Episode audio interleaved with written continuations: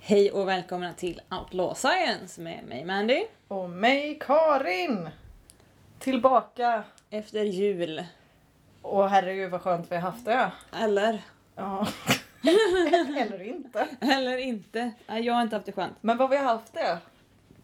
Det, vi har haft. Ja. Vi har haft. Ja. Det har vi. I flera veckor. Det var över en månad sedan vi spelade in nu. Men nu är vi eh, inte utvilade nödvändigtvis Ah. men vi är i alla fall redo. Typ. Ja.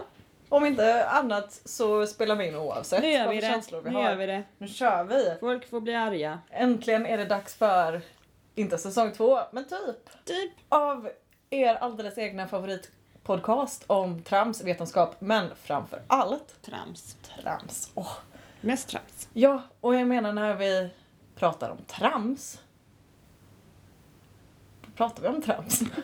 Vad vill du ha sagt Karin? vet inte.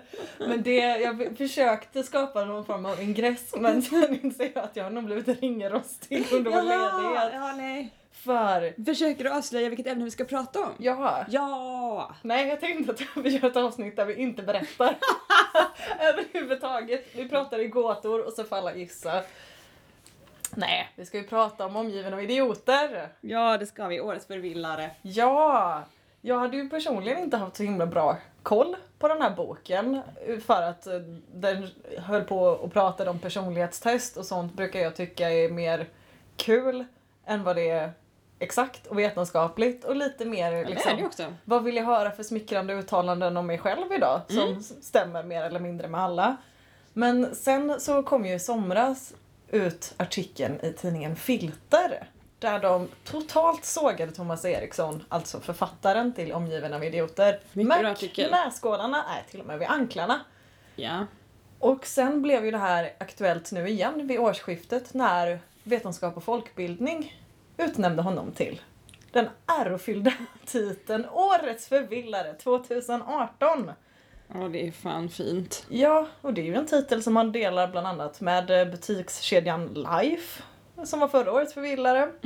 Eh, År 2016 var det Karolinska institutets rektor och styrelse som hjälpte till att dölja forskningsfusket hos Paolo Macchiarini. Och sen min favorit, och din pappas favorit, nämligen 2014 när TV4s Nyhetsmorgon Ja, blev utnämnda till årets förvillare. äntligen! 2014 hände det. Då stod din pappa och skrek Äntligen. likt han gubben Fylking. Fylking ja. inför Nobelpriset i litteratur. Ja, Ja, och vilk, vad gott det var. Och det vad- var det. Och, det Och så- vad välförtjänt det var. Ja, och det kände ju vi i år. Ja. Att herregud vad välförtjänt. Verkligen. För eh, utöver att vara utnämnd till årets folk, folkvillare tänkte jag säga, Folkvillare. men årets förvillare så har ju han, Thomas Eriksson, sålt över ett halvt miljon exemplar av sin lilla förvillarbok. Ja. Och han drar runt in förmodligen vad jag skulle gissa miljonbelopp på sina föreläsningsturnéer. Oj, han tjänar säkert jättemycket pengar. Det kommer han ändå igenom. Och används eh, komiskt nog som expertkommentator i bland annat TV4 Nyhetsmorgon. Vill jag minnas att jag läste. Och eh, ja, hjälper till att svänga opinionen så att numera Förvillare vill förvilla. de vill framförallt försnilla dina pengar Ja. in i sin egen ficka. Men han har ju också även hjälpt att eh, bygga idén om att DISA slash diskmodellen är vetenskapligt korrekt och så numera används den inom väldigt många olika kommuner och landsting för rekrytering. Ja, jag sökte ju precis nytt jobb höll jag på att säga. Jag började precis på ett nytt jobb. Ja. Och på en av de intervjuerna jag var på så frågade de mig eh, bland annat om jag visste vilken färg jag var. För annars så skulle jag få göra ett sånt test. Och nej, man hade ju hoppats på att det testet skulle vara har du gjort ett DISA-test? Och som man svarar ja så är det ja, då är det ju Då ingenting får för du oss. sparken. Du, du har inte fått, nu får du jobbet, nu får du sparken. Ja. Hej, hej, hej då! Så ja, det var helt enkelt lite det här som la grunden till varför vi tyckte att Thomas Eriksson, omgiven av idioter, perfekt! Första avsnitt 2019 Japp. av Outlaw Science. Som en vattenrutschbana rätt ner i skoj.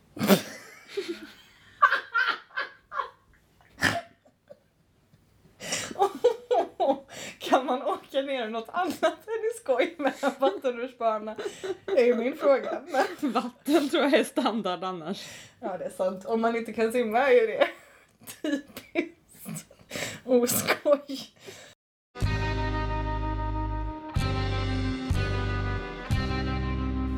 Jag tänkte vi skulle börja det här med att kolla vem är Thomas Eriksson egentligen? Mm, rimlig. Ja, ingångs- och utöver att det verkar vara i princip omöjligt att hitta vad för CV han har och vad för utbildningar han har gått så han har jobbat för Nordea och han har jobbat med eh, rekrytering och föreläsning i en herrans många år. Mm. Och har även ett eget företag då som gör föreläsningar och utbildningar inom DISA-modellen. Ja. Konstigt det där. Ja, det är konstigt. Men eh, 2011 gav han ut thrillerromanen Bländverk som handlar om karaktären Alex King. Ooh, han låter snygg. Ja, det är ju ett tungt namn som man annars hade kunnat tro var en spin-off på Jens Lapidus Snabba Cash-serie, men icke sa Nicke. Och det handlar ju då om en beteendevetare som får hjälpa polisen att sätta fast en seriemördare Mm. genom att analysera vad för färg mördaren har enligt DISA-modellen. Oj. Och huruvida thrilleraspekten av boken handlar om att poliser använder sig av ovetenskapliga modeller för att lösa brott framgår inte. Men eh, det låter ju lite som att han har skrivit boken om ett drömversion av sig själv. Ja, Eftersom karaktären jobbar för samma företag som Thomas Eriksson själv har bildat. Men ja, i alla fall. Enligt eh, honom så skapade den här boken ett väldigt stort intresse för DISA-modellen som s- sen ledde till att han f- fick för sig att vänta, vad kan vi tjäna ännu mer pengar till? Åh, nej. Från? Jo, men en liten ny bok. en Så- liten bok till. Ja, 2014 gav han då ut boken Omgiven av idioter. Mm. Där han alltså tycker att vi ska dela in hela mänskligheten i fyra olika färger. Då DISA är ett akronym där D står för dominans och representeras av färgen röd. Ja. I står för inspiration och är gult. S står för stabilitet och är grönt. Och A står för analys och är blått. Och det här grundar ju sig en del på Carl Jungs teorier som jag förstått det men även hans favorit William Moulton Marston. Just det. Och det har ju du läst lite om Andy. Ja, väldigt, väldigt lite. Jag har ju läst eh, om eh, William Walter Marston. Alltså egentligen det enda jag läst om honom är ju, han levde 1893 till 1947 Ja. och eh, han var ju psykolog. Fick sin examen från eh, Harvard. Ja men äntligen någon som har en examen i alla fall. Det ska ju inte Precis, han Underskattas. var med och uppfann den första prototypen till lögndetektorn. typiskt vetenskaplig mackapär som Exakt. Och eh, han, det kanske viktigaste av allt, var Ja. den som skapade karaktären Wonder Woman. Ja, det. Varför skriver han inte mer en hel personlighetsbok om vem är du i Wonder Woman? Precis. Så han har ju gjort lite, lite dåligt, lite bra. Men i alla fall så hans huvudidé Ja. var att medvetandet sitter i motoriken och Okej. att samspelet, alltså det som är motoriskt eh, stimuli och motoriskt, eller det motoriska självet. Aha. Ja, så han påstår liksom att det är det här som är vår personlighet. Okej. Eh, Det och han... han borde ju inte gott för mig som har stor Nej. motorik som... Nej, nej, jag har ett inte riktigt funktionsskåp. förstått exakt vad han menar. Nej. Jag tror inte jag förklarar det helt bra här Det heller. verkar ju å andra sidan Thomas Eriksson inte heller har gjort. Nej, för nu, nu kommer en rolig grej här. Eh, Oh. Det är att han, han beklagade sig nämligen ofta över att ingen i hans samtid trodde på att medvetandet sitter i motoriken. Åh nej!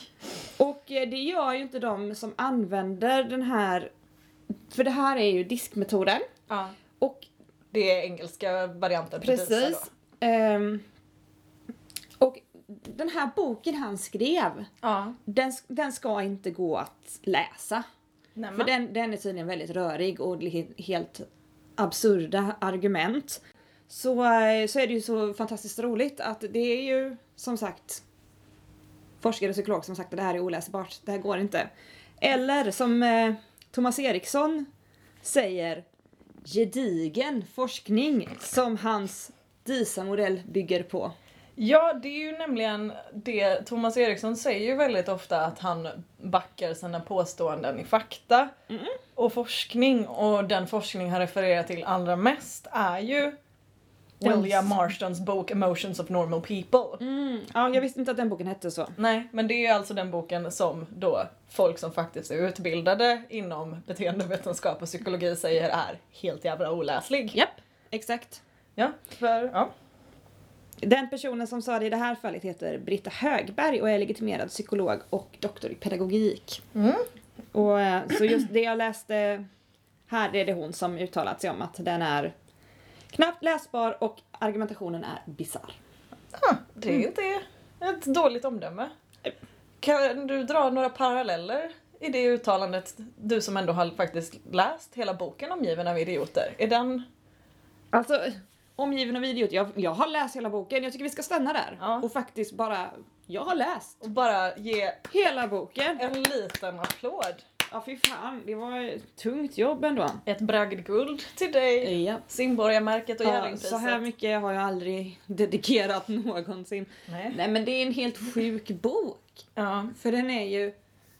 För det första så är den ju så absurt överdriven. ja. Hela titeln bygger ju den här omgivna av idioter på att det är Mm. så en person har sagt till Thomas Eriksson Okej. en gång. Ja. Att det var en chef som sa att ja, men det går inte att jobba för han är omgiven av idioter. För han, och han var då enligt Thomas Eriksson väldigt röd. Okej.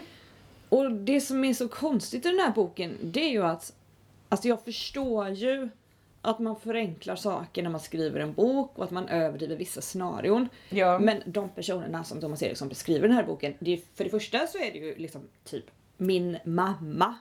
Min barndomskompis är väldigt gul, min mamma är väldigt grön, jag känner en person som är väldigt blå. Så det är bara så här, du vet, typ personer som han umgås med dagligen som beskrivs. ja. Och också helt sjuka människor!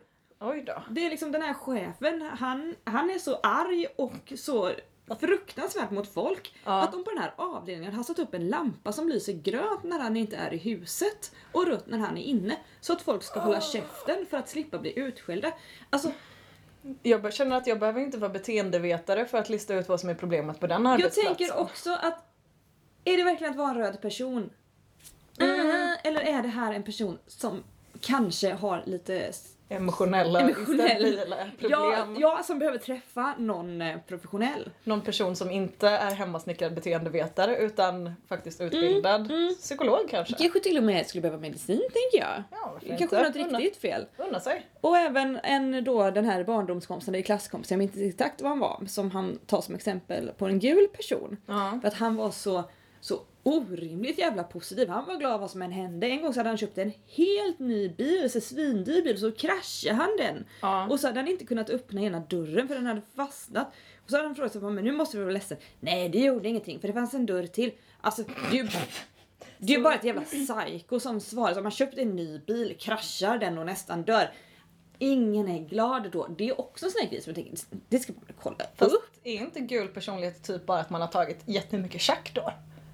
Eller är tänker jag snarare. Ja, om du knarkar, då kanske du är gul. Ja, gul, påtänd som fan. Nej men alltså, så det är ju så här helt orimliga och även den här gröna personligheten. Ja. För den ska ju ändå vara någonstans, eller har jag i alla fall hört innan för man har ju inte undgått de här färgerna. Nej, folk vill ju väldigt gärna Mm. applicera det på en oavsett om man säger nej tack, nej tack så kommer Och de där med berätta vad de sin själva är. färgroller och rolly rolly roll på en. Ah, Du är så gul. Va? Nej men i alla Nej, jag fall, har inte gul såt. sot. så eh, den gröna har jag fattat som lite mer den här neutrala. Den som är liksom lite mittemellan allting. Den, Den- som inte är så mycket av något. Den som inte har aggressionsproblem eller knarkar. Den. Den. Precis. Men i boken beskriver han den här som alltså, den gröna är så väldigt stabil och han använder sin mamma som exempel och talar om hur svårt det är med förändringar för gröna personer. För att, och, och där beskriver han liksom en person som, och nu ska ju inte jag göra som Thomas Eriksson och ge, som lekman, ge ut diagnoser. Nej. Men känns som att hans mamma är ganska gravt autistisk när han pratar om hur exakt jobbigt det är för henne att de typ flyttar saker en timme i tiden eller förändrar vilken en eller två personer som kommer att närvara vid kvällens event. Ja. Det känns också inte som ett helt hälsosamt... Inte ett välanpassat beteende inte ens åtminstone. jag har så svårt för förändringar. Vad fan. Nej. Då, då, ja. Och det är lite det jag tänker att han pratar hela tiden i boken om att det finns fyra sorters personligheter. Mm. Men, men så beskriver han dem så helt orimligt så att du, skulle du vara någon av de här fyra, då ska du låsas in. Då Ja. kan du inte hantera ett vanligt liv. Nej. Då är du en fara för antingen dig själv eller alla runt omkring. Eller åtminstone behöver väldigt mycket stöd och hjälp Ja. i, din, i din vardag. Ja. Så det är en väldigt konstig bok på det sättet. Ja, för det som jag har läst som han har försvarat sin bok med är att den är citat populärvetenskaplig. Och Mm. den är ju mer pseudovetenskaplig än vad den är populärvetenskaplig. Den är ju mer populär än vetenskaplig. Ding ding dong jackpot. Nej, för populärvetenskap det är ju någonting som även du och jag kämpar med att populärvetenskap är, är svårt för att det är inte någonting som har speciellt hög status inom vetenskapliga fältet. Och det är också svårt att göra för att du behöver kunna förenkla någonting på en, till en viss punkt så att så många människor som möjligt förstår. Men du kan inte förenkla hur mycket som helst utan att någonting tappar sin betydelse. Och att det blir lite ljug. Ja, typ som att man kan inte förenkla mänskligheten till att det finns fyra olika sorters personligheter. Nej. Eller du kan göra det men då kommer det bli fel. Och det Ja. är ju lite, lite dit han har kommit. Precis. För den vetenskapen inom citationstecken, de studierna kan vi kanske kalla det, som han grundar sina påståenden på har ju sedan länge då blivit, inte tillbakadragna, men man anser inte att de är verifierbara längre eller att de håller någon, vad säger man? Håller mark? Nej, nu hittar jag på ord. Nej, alla, vatten, alla de håller luft. orden jag just sa finns. Jag är inte säker på att kombinationen av dem funkar. Nej men jag chansar så till slut blir det rätt. Nej men Chansa. att ma- numera så om man pratar om personlighetstest och personlighetstyper så pratar man snarare om vad som kallas för Big Five. Mm. För det som Thomas Eriksson pratar ju är om mer närmar sig Martin Ljung för han pratar, eller inte Martin Ljung, det var ju en jävla komiker, Carl Jung. Carl Gustav Jung. Ja. Ja, han pratade ju också om att det fanns fyra olika personligheter och sen så kunde det finnas kombinationer av de här som gick över till 16 personlighetstyper och det här är ju även vad som har hijackats av Myhr-Briggs-testet, MBTI. Det Precis. ska vi gå igenom ett annat avsnitt. Men vad är det? Big Five handlar istället om att man pratar om fem olika egenskaper och sen så ser man hur mycket av de här olika har man snarare än att du är antingen dominant eller så är du inte dominant. Mm. Utan det man pratar om i Big Five är akronymet är Ocean då för de olika olika sakerna som först är det openness, alltså öppenhet, om man uppskattar eh, konst, känslor, äventyr, nya idéer och sånt där. Ja, alltså ja, öppenhet. Mm. Conscientiousness, nej kons- ah, gud vilket jävla konstigt ord, samvetsgrannhet i alla fall. Tendens att vara självdisciplinerad, agera plikttroget och liknande. Mm. Extroversion är energi, positiva känslor och agreeableness är då vänlighet eller värme. Alltså ja, Mm. empati, samvets- samarbetsvillig och eh, neuroticism. Eller Det låter som mig. tendens att lätt känna kunna uppleva obehagliga känslor, till exempel ilska, ångest, depression eller sårbarhet. Ibland Ja, det kallat var jag. emotionell instabilitet. Och sen har ju, alltså även Big Five är ju det som är, har mest vetenskaplig legitimitet men det är också kritiseras just för att det är väldigt svårt att kvantifiera mänskliga beteenden och personligheter och känslor just för att väldigt ofta så agerar vi ju inom ett, ett spektrum och beroende på vad omständigheterna är så agerar vi olika. Exempelvis jag är absolut en envis person Ja. men jag är också samarbetsvillig. Det beror ju helt på om så här, är det någon taskig person på stan som kommer och ber mig om någonting eller är det en av mina bästa vänner som ber mig om någonting. Alltså liksom. Det är ju väldigt olika hur man agerar beroende på vad situationen är. Ja. Problemet med DISA diskmetoden är ju att den bygger på någon slags idé om att du är alltid aggressiv. Och det finns det ju folk som är då, men de verkar vara Mm. Och det är ju de som jag tänker skulle behöva söka hjälp. Ja, snarare det än att det är någon, ett, någon sorts, eh, vad ska jag säga, att det är någonting vi kan applicera på alla. Att man skulle alltid vara dominant, man skulle alltid vara analytisk. Det är jättekonstigt. Ja, de allra flesta människor agerar ju åtminstone inom ett visst, alltså sen behöver det inte vara ett jättebrett spektrum, men ändå ett spektrum för, baserat på personer, situationer, humör, Lokal. ja, väldigt många sådana saker Ja. varierar men just disk-DISA-metoden verkar ju bara vara att När du är glad, då är du alltid glad. Då kör du in din nya bil, men det är lugnt för den hade en annan dörr. Ja, Ja, och men du det... är ju en glad person. Så att... Eh, Lös det!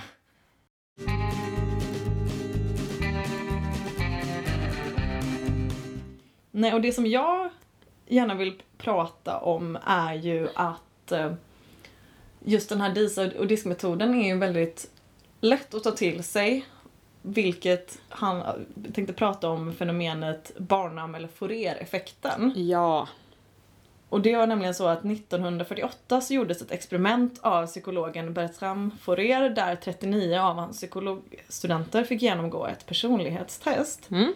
Därefter blev de tilldelade vad de trodde var en slags personlighetssummering baserad på testresultatet. Mm. Och sen skulle de betygsätta påståendena på hur väl de stämde överens med deras personlighet i en skala från 0 till 5 där 0 var stämmer inte alls till 5 var stämmer perfekt. Eleverna svarade i snitt att deras summering stämde överens 4,3 av 5. Plot twist! Dun, dun, dun, dun. Alla fick samma i sina summeringar. Alla påståenden var dessutom tagna från en bok om astrologi, trollolol.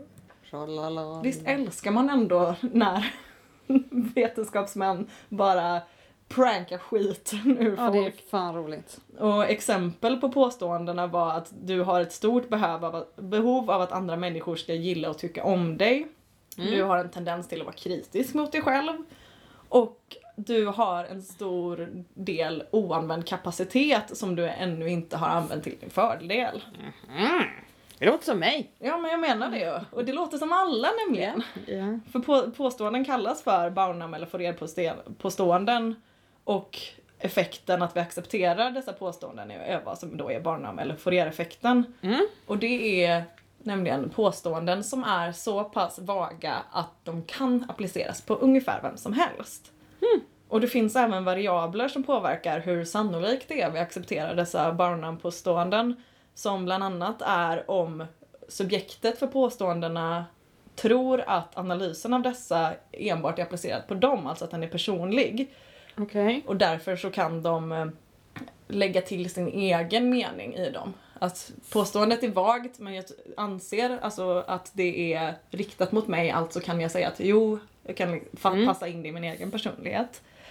Även om eh, subjektet för påståendet tror eller har en au- auktoritetskänsla mot personen som kommer med påståendet som exempelvis Thomas Eriksson som har skapat exempel. en auktoritet kring sig själv att han vet någonting om psykologi, vilket han inte gör.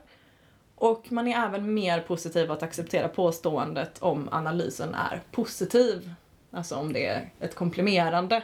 Som Ja. exempelvis att du har en stor potential som du inte använt dig av. Mm. Det tror jag att de flesta människor har för vem fan anstränger sig till 100% hela tiden. Och Vem fan vill inte säga att jag är bättre egentligen? Jag bara gjorde inte mitt bästa. Precis. Jag, Jag är ju inte så här dålig egentligen. jag bara, jag är inte Jag ansträngd. bara försökte inte. Precis. Jag i alla brännbollsmatcher någonsin. Ja, fast för mig i alla brännbollsmatcher så är det att jag försöker inte för att jag vill inte veta hur dålig jag egentligen är. Det är, det är bättre att applicera mediokert än att faktiskt möta sin absoluta bottenpunkt. Jag står allra längst bak bland och bara Jag är bättre egentligen! Ja, och barn, i alla fall barnum och Fourier-effekten kan man ju känna igen både i DISA-modellen och i stjärntecken i horoskop. För Jajamän. där är påståendena oftast eh, Alltså, sag- eh, dels så är de ju gjorda för att vara personliga, för att vid DISA så k- kan du ju enkelt göra ett så kallat personlighetstest online, vilket ger dig känslan av att det är väldigt personligt, eller horoskop. Jag har ju alldeles själv fötts på det här datumet, så hur fan är inte det sant? Nej precis. Och påståendena är oftast väldigt vaga. Och de är oftast väldigt positiva. Typ, du är bestämd. Pers- Du har en auktoritet som gör att folk lyssnar på dig. Och det vill man ju ha. Ja, pix pax. Pix Pax auktoritet. Ja. Jag tycker det är så härligt att du nämner det här med stjärntecken Ja. och att det känns lite likt. För en jätterolig grej, jag nämnde ju innan eh, Britta Högberg, Mm. legitimerad psykolog och doktor i pedagogik. Eh, Hon testade att jämföra personlighetsbeskrivningen i Omgiven av idioter och boken Make It Work med eh, de som fanns på en astrologisk sajt. Wow. Och hon körde en, eh, alltså helt enkelt en textanalys jämför ord. Ja. Och eh, kunde konstatera att är man född i skyttens, lejonets eller stenbockens tecken så är man röd. Är man född i oxens, fiskarnas eller kräftans tecken så är man grön. Okej. Man är blå om man är våg, vattman eller jungfru och gul om man är skorpion, tvilling eller vädur. Och nej, jag Så- är tvilling alltså är jag knarkade gulpersonen. Ja, men Åh. tänk på mig då som är den här röda psykopaten som folk måste sätta upp en varningslampa för att veta där den är i lokalen. Åh nej vad jobbigt. en tjackis och en med aggressionsproblem. Exakt. Vilken dynamisk duo. Mm, men nu har jag ett litet test. Åh! Ja, jag har nämligen, och det, där finns, det är två grejer nu. Ja. Jag har samlat lite olika citat. Ja. Både från en sida med stjärntecken Ja. och en sida med de här. Och då är det 16 personligheter, så det är en utveckling av det här MTBI, Ja okej. Maya Briggs-testet. Ja. Där det finns, man är dels en färg men också varje färg har fyra olika personlighetstyper. Okej. Eh, så de här beskrivningarna kommer från en av dem, antingen Maya Briggs Ja. eller stjärntecken. Uff. Och några av de här är jag. Okej. Så du ska säga först, Ja. är det Maya Briggs eller är det stjärntecken? Ja. Och känner du igen mig i någon av de här? Wow, det här är ett personlighetstest jag är down to clown with. Ja. Första. Ja. Den största utmaningen för är att de ofta är så inriktade på omedelbara nöjen att de försummar plikter och det ansvar som möjliggör sådan lyx. Alltså gud, jag... Är det en personlighet eller är det ett stjärntecken? Alltså jag tror att det är... Nu vill jag också säga att jag vet inte vilket stjärntecken eller vilken färg du är, så det blir lite lurigt det här. Men jag tror att det är ett stjärntecken. Mm, jag kan då avslöja att jag är, enligt det här testet på denna sidan jag hämtat, Ja. så är jag personlighetstypen förkämpe som är en grön Okej. och jag är en lejon. Okej, men då är, kan det vara ett stjärntecken och det kan vara du. Det kan det vara. Det, det är en personlighet och det är inte jag. Okej. Det är, det är en gul Aha. underhållare. Hejdå. Mm, då har vi nästa. Ja. De formas av sin visionära natur som hjälper dem att läsa mellan raderna med en energisk nyfikenhet. ja, men det måste väl vara ett stjärntecken. Och det är ju inte du. Det här är en personlighet och det är jag. Det här är grön förkämpe. Åh nej! Ja. Det går dåligt hittills. Ja. Men vi kör igen. ja. Detta gör att hmm, älskar att vara anställda och göra bra ifrån sig. De kan vilja vara ledare, vilket passar deras personlighet. Men Nu, nu, nu, måste det, nu måste det vara stjärntecken. Nu måste det vara stjärntecken och det måste vara du, snälla. Det är stjärntecken, Ja. men det är inte jag. Det är oxen. Ja, okej. Ja, ja. Mm. Ja. Ehm, är stolta över sin uppfinningsrikedom och kreativitet, sina unika perspektiv och sitt kraftfulla intellekt. Eh, Alltså, ja, jag gissar på personlighet och inte du. Det är rätt! Wow! Logikern! En Yes. blå. Woo! Okej, sista då. Självförtroendet är enormt och de tenderar att bli självupptagna, är svaga för smicker och är ganska fåfänga. Fast det där är väl ändå du, lejon? Jajamän, det är klart det är lejonet! Yes! Jag tog igen mig i slutet. Yes. Woo! Ja, men så, det är inte självklart. Ja, Det är inte självklart. Det var ett jävla svårt test Mm. får jag säga. Ja. Men också kul! Så kul, ja. Det rekommenderas varmt det här till eh, nästa quizafton. Verkligen, det, alltså det går ju inte att få rätt på det. Är det hittepå eller är det, är det gammalt hittepå eller är det nytt hittepå? Det är inte på. Det är svårt, det är fortfarande hittepå. Japp. Nej, och det som jag tycker är extra roligt med det här är ju att i den intervjun, eller den artikeln som Filter gjorde, Ja. så intervjuade de ju även Thomas Eriksson. Och det var ett meningsutbyte då, eller en av intervjufrågorna som jag fastnade vid extra mycket. Där intervjuaren säger du återkommer ofta till att DISA bygger på vetenskaplig grund. Men det stämmer ju inte. Det bygger inte på någon vetenskaplig grund som är giltig idag. Då Thomas svarar nej, det är riktigt. Du har helt rätt. I den första boken Omgiven av idioter kallar jag psykologen Marstons arbete för vetenskapligt. Och precis som du sa, med vår tids mått mätt skulle det inte kvalificeras som vetenskap. Jag skulle ha skrivit psykologiska studier istället. Det hade varit mer korrekt. Oh, Okej. Så jag menar han har ju egentligen gjort vårt arbete åt oss. Ja. Det är bara att nej, det är baserat på vetenskap fast det är inte vetenskap. Nej.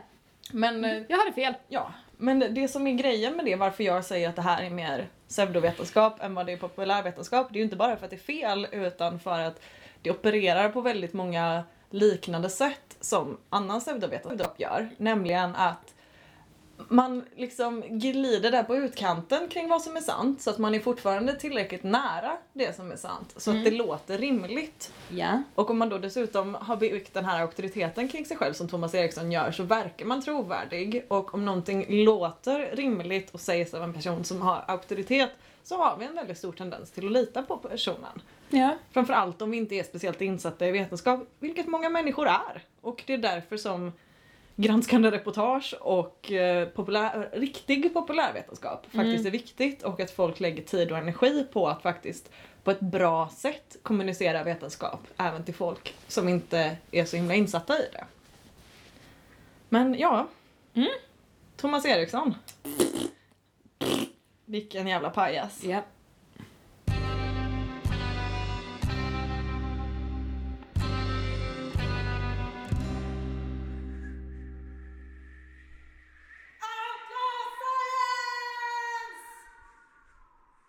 Äntligen hittar vi på. Ett sätt att få det att funka hade ju faktiskt varit om vi människor var helt och hållet statiska och inte på något sätt anpassade oss efter vår omgivning. ja. Som flodhästar. Är, är, de, är de statiska och opa- anpassliga? Jag tänker mig dem så. Ja, okej. Det, det får stå för dig. Det får det. Ja. Men det hade ju också varit, det hade ju varit väldigt lätt då för att då hade vi kunnat dela in människor efter personlighetstyper och kvantifiera personlighetstyper på ett effektivt sätt. Och så hade alla vetat vilket lag man skulle vara i när man spelar Fia med knuff. Så jävla bra! Ja. Sen hade å andra sidan ungefär allt annat tänker jag varit ganska dåligt. Mm. Då vi hade haft antingen, nu vet jag inte, vad var det? Antingen aggressionsproblemet, knarkaren, De som inte kunde ändra på någonting. d- extremt nervösa personen och, Och sen också den här blå, den tar vi aldrig upp men det är ju någon form av eh, robot. ja, autistisk robot som inte har någon form av eh, Alltså ingen känsla för att interagera med andra människor utan bara Ja men en robot bara. en robot. ja. Okej, så du är antingen robot, neurotiker, knarkare eller aggressionsproblem. Ja, det är de fyra Ja. jag menar på. Jag tänker ju också så här att det hade ju varit praktiskt som tack vare för att vi hade kunnat dela upp. Resten hade varit opraktiskt för den här, de här personlighetstyperna är ju knappt bra på att interagera själva. Nej. Och de skulle nog absolut inte gilla andra människor. Tänk dig ett helt rum där alla har aggressionsproblem. Nej, det är dumt. Och så kan man få dem att göra någonting. Ja. Eller ett grupparbete där alla är tjackisen. Åh nej. Det blir ju, vad skoj de har, men det blir ju inte mycket gjort. Eller? Ja. Det kanske är robotarna då som gör Ja. varsin kopia av arbetet då. Precis, och det är också alltså, det är ett väldigt osympatiskt sätt att se på människor. Absolut. Det som jag, för alltså så här, en av de grejerna som jag vänder mig mest emot med omgivna med idioter, utöver att det är fel, Ja. är ju att det uppmanar folk till att väldigt strängt kategorisera andra människor. Ja. För problemet blir ju att det blir en slags självuppfyllande profetia, nämligen att om jag då hittar på att den här personen är blå, då är den alltså extremt anal och den vill, vill inte kompromissa och sånt där. Då kommer ju det göra att varje gång jag uppfattar någonting hos den personen som stämmer överens med blå personlighetsdrag så kommer jag behandla den personen som det och kanske Ja. då vara ex- sätta extra mycket emot eller vara extra irriterad när den beter sig på ett sätt som jag uppfattar som blått. Och då kommer ju det göra att den personen blir ju då bara illa behandlad av mig och kommer därför bara bete sig ännu sämre, troligtvis. Att Ja. det blir ett bekräftelsebias i det där. Att vi ser beteenden som vi uppfattar som blåa och då bekräftar vi det som att åh, då är den blå. Och så, det kan ju också skapa någon form av liksom mobbingmentalitet då det här tyvärr används på arbetsplatser. Tyvärr. Att ah, inte bara en person gör den här bedömningen utan en hel grupp då säger att nej men du är så blå, du kan ju inte göra det här eller du är Nej, så röd så åh. det är att alla dina utspel ens om de är rimliga och vettiga, de är bara överstyrda och känslomässigt trams. Alla bara fnissar och säger oj vad rött. Oj vad rätt. Ja, och det tycker jag är jättedå- jättedåligt att det är någonting som används inom Alltså inom, både använt som inom rekrytering men också på Nej. arbetsplatser. För det är ju verkligen bara, vi kan ju lika gärna dela upp folk efter stjärntecken då. Att det Uppenbarligen. bevisligen Ja. då. Och det vill jag ju absolut inte veta av. Att vi Nej. har...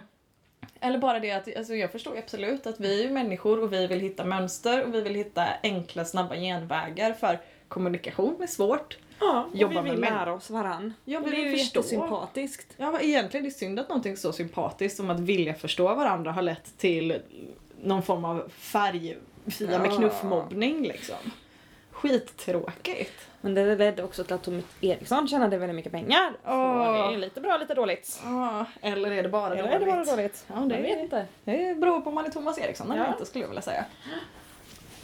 Nej, så jag är helt enkelt övertygad om att det ha- hade vi kunnat enkelt dela in folk i personlighetstyper så hade vi haft så otroligt många mer problem. Ja. Så att inte kunna dela in folk i personlighetstyper, det är inte enbart dåligt. Nej, det är rätt gött faktiskt. Och jag tycker framförallt att man ska vara öppen för att behandla folk som mångfacetterade människor. Som beter sig olika beroende på situation, människor de möter och hur de mår. Ja, och exempelvis att om du har en person omkring dig som är väldigt envis så kan det va- ibland också vara bra att stanna upp och tänka, är det att personen är envis eller uppfattar jag den som envis och därför alltså sätter hårt mot hårt mot den väldigt ofta? Vilket får de flesta att sparka bakut ganska mycket. Ja. Eller som någon frågar dig, men jag blir sur nu? Vilket oftast är väldigt effektivt, om inte annat gör en väldigt sur. ja. Ja. Har du något kul sätt du vill outlåa this non-science? Nej men jag tänker bara så att allt det här bygger på att människor i framtiden skulle bete sig exakt som de har betett sig. Ja. För alla de här mätningarna du gör och självuppskattningstesterna, Ja. de säger ju gan- de, de kanske säger en del om hur du har Mm. reagerat. Ja. Och hur du reagerade liksom innan. Ja. Men de säger ju ingenting om du, hur du kommer att reagera i framtiden. Mm. Den säger vilken personlighetstyp du är nu och vilken du var igår när du gör det här testet. Mm. Men mer än så säger det ju inte. Så det hjälper ju liksom ingenting. Så som sagt, det här bygger på att människor hade varit helt statiska. Vilket vore jättetråkigt. Tänk, Supertråkigt. tänk om man var exakt samma från att man föddes till att man dog. Då hade man Ja. antingen fötts som en väldigt märklig person eller varit vuxen som en väldigt märklig person. Ja, man kan inte vinna allt. Nej. Och det hade ju också lett till så, de här gångerna man till exempel har fel Mm. och kommer på sig själv vad fan. Ja, Det är min personlighet. Nej, då hade man ju bara så här, jaha, det här är jag fel om. Tough Ja. luck. Nu är det, För sån är jag. det är ju min persona att Ja. ha fel. Det var ju synd. Röv. Tusan! Ja, nej det var tråkigt. Ja. Så det, jag tycker det är skönt att det inte är så. Ja, det håller jag väldigt mycket med om. Mm. Att människor, tack och lov, är mer dynamiska än att vi är fyra olika personligheter och alla av dem är helt jävla loco. Man kan ju också tänka att hjärnan som ändå är en så avancerad form av dator Ja. att de alltså, absolut briljantaste psykologerna och hjärnforskarna ja. inte har någon aning om hur den fungerar. Då kanske inte Thomas Då Eriksson... kanske Thomas Eriksson inte kan dela upp det i fyra olika kategorier. Ja! mm. Va, ingen annan har har riktigt kunnat lista ut hur det funkar, förutom Thomas Eriksson som inte har någon utbildning inom Ja, vad- ämnet. vad- Han har knäckt nöten. Hurra! Ja, nej, så jag bara... Mm. Sen vill jag också slå, Folk. ett, sl- ja, jag vill också slå ett slag för hur dåligt jag tycker att personlighetstest är. Därför att människor är ju fruktansvärt dåliga på att utvärdera oss själva. Det är vi. Och ska vi svara på tester så är man väldigt benägen på att snarare än att svara hur, det, hur man faktiskt är så svarar man hur, alltså hur man egentligen vill att man ska vara eller så här skulle jag ha agerat egentligen. Alltså Ja. att man, man är man svarar som att man är den bästa varianten av sig själv. Och, Ja. För sen är det ju också så att jag menar, jag har ju jättesvårt för sådana personlighetstester för jag vet inte så här, i, i vilken aspekt Ja. är, är jag social? Att jo, om jag är med människor som jag känner är jag social. Om jag är med helt nya människor som eh, kanske är moderater så kanske jag inte är den Nej. mest öppna, sociala och välkomnande Nej. personen. Jag menar, det är ju så otroligt många aspekter som spelar in. Ja, och de flesta människorna är ju som sagt olika beroende på hur de mår och vilka de möter. Man är på att säga olika i olika kommuner, men Det är de också. ja, Fast inte så... inte märkvärt. Nej. Nej. Nej. Ja. Ja, det gott. Ja men då har vi väl ändå lyckats. Jag tycker vi knöt ihop säcken rätt bra ändå. Ja om Ja. inte annat så gör vi det ändå. Ja. Nu är det sl- tutelitut, nu är det slut. Ha det gött, hej. Ja, men jag, jag vill också passa på Ja, mm, vi var inte klara. att säga nej. Nej. För jag vill säga stort tack till alla som sponsrar oss på Just det. Patreon! Ni är världens bästa! Det är ni faktiskt. Ah. Ja, Ni får klaga även om ni inte har något att klaga på. precis. Och om du också vill bli en person som har full rätt och full makt att klaga även om det inte finns något att klaga på så borde du gå in på patreon.com slash outlawscience. Och ge oss pengar. Ja, så kan du donera så lite som bara en dollar i månaden. Och Wow. det är ju inte mycket, men det blir mycket för oss. Det blir det. Och det blir vi jätteglada över. Och sen så får ni jättegärna, vad heter det, betygsätta, recensera, prenumerera och dela våra Ja. podcaster på vilken app ni än lyssnar på så, Vi finns på alla. så får alla andra veta att numera är vi igång igen och vi kör! Och nu kommer det bli ett nytt avsnitt varje vecka. Woohoo! Woo! Nu Så, kör vi. ja, håll i hattarna, pattarna och knattarna! För nu är det slut. Hejdå! Ha det gött. Hej! Hej.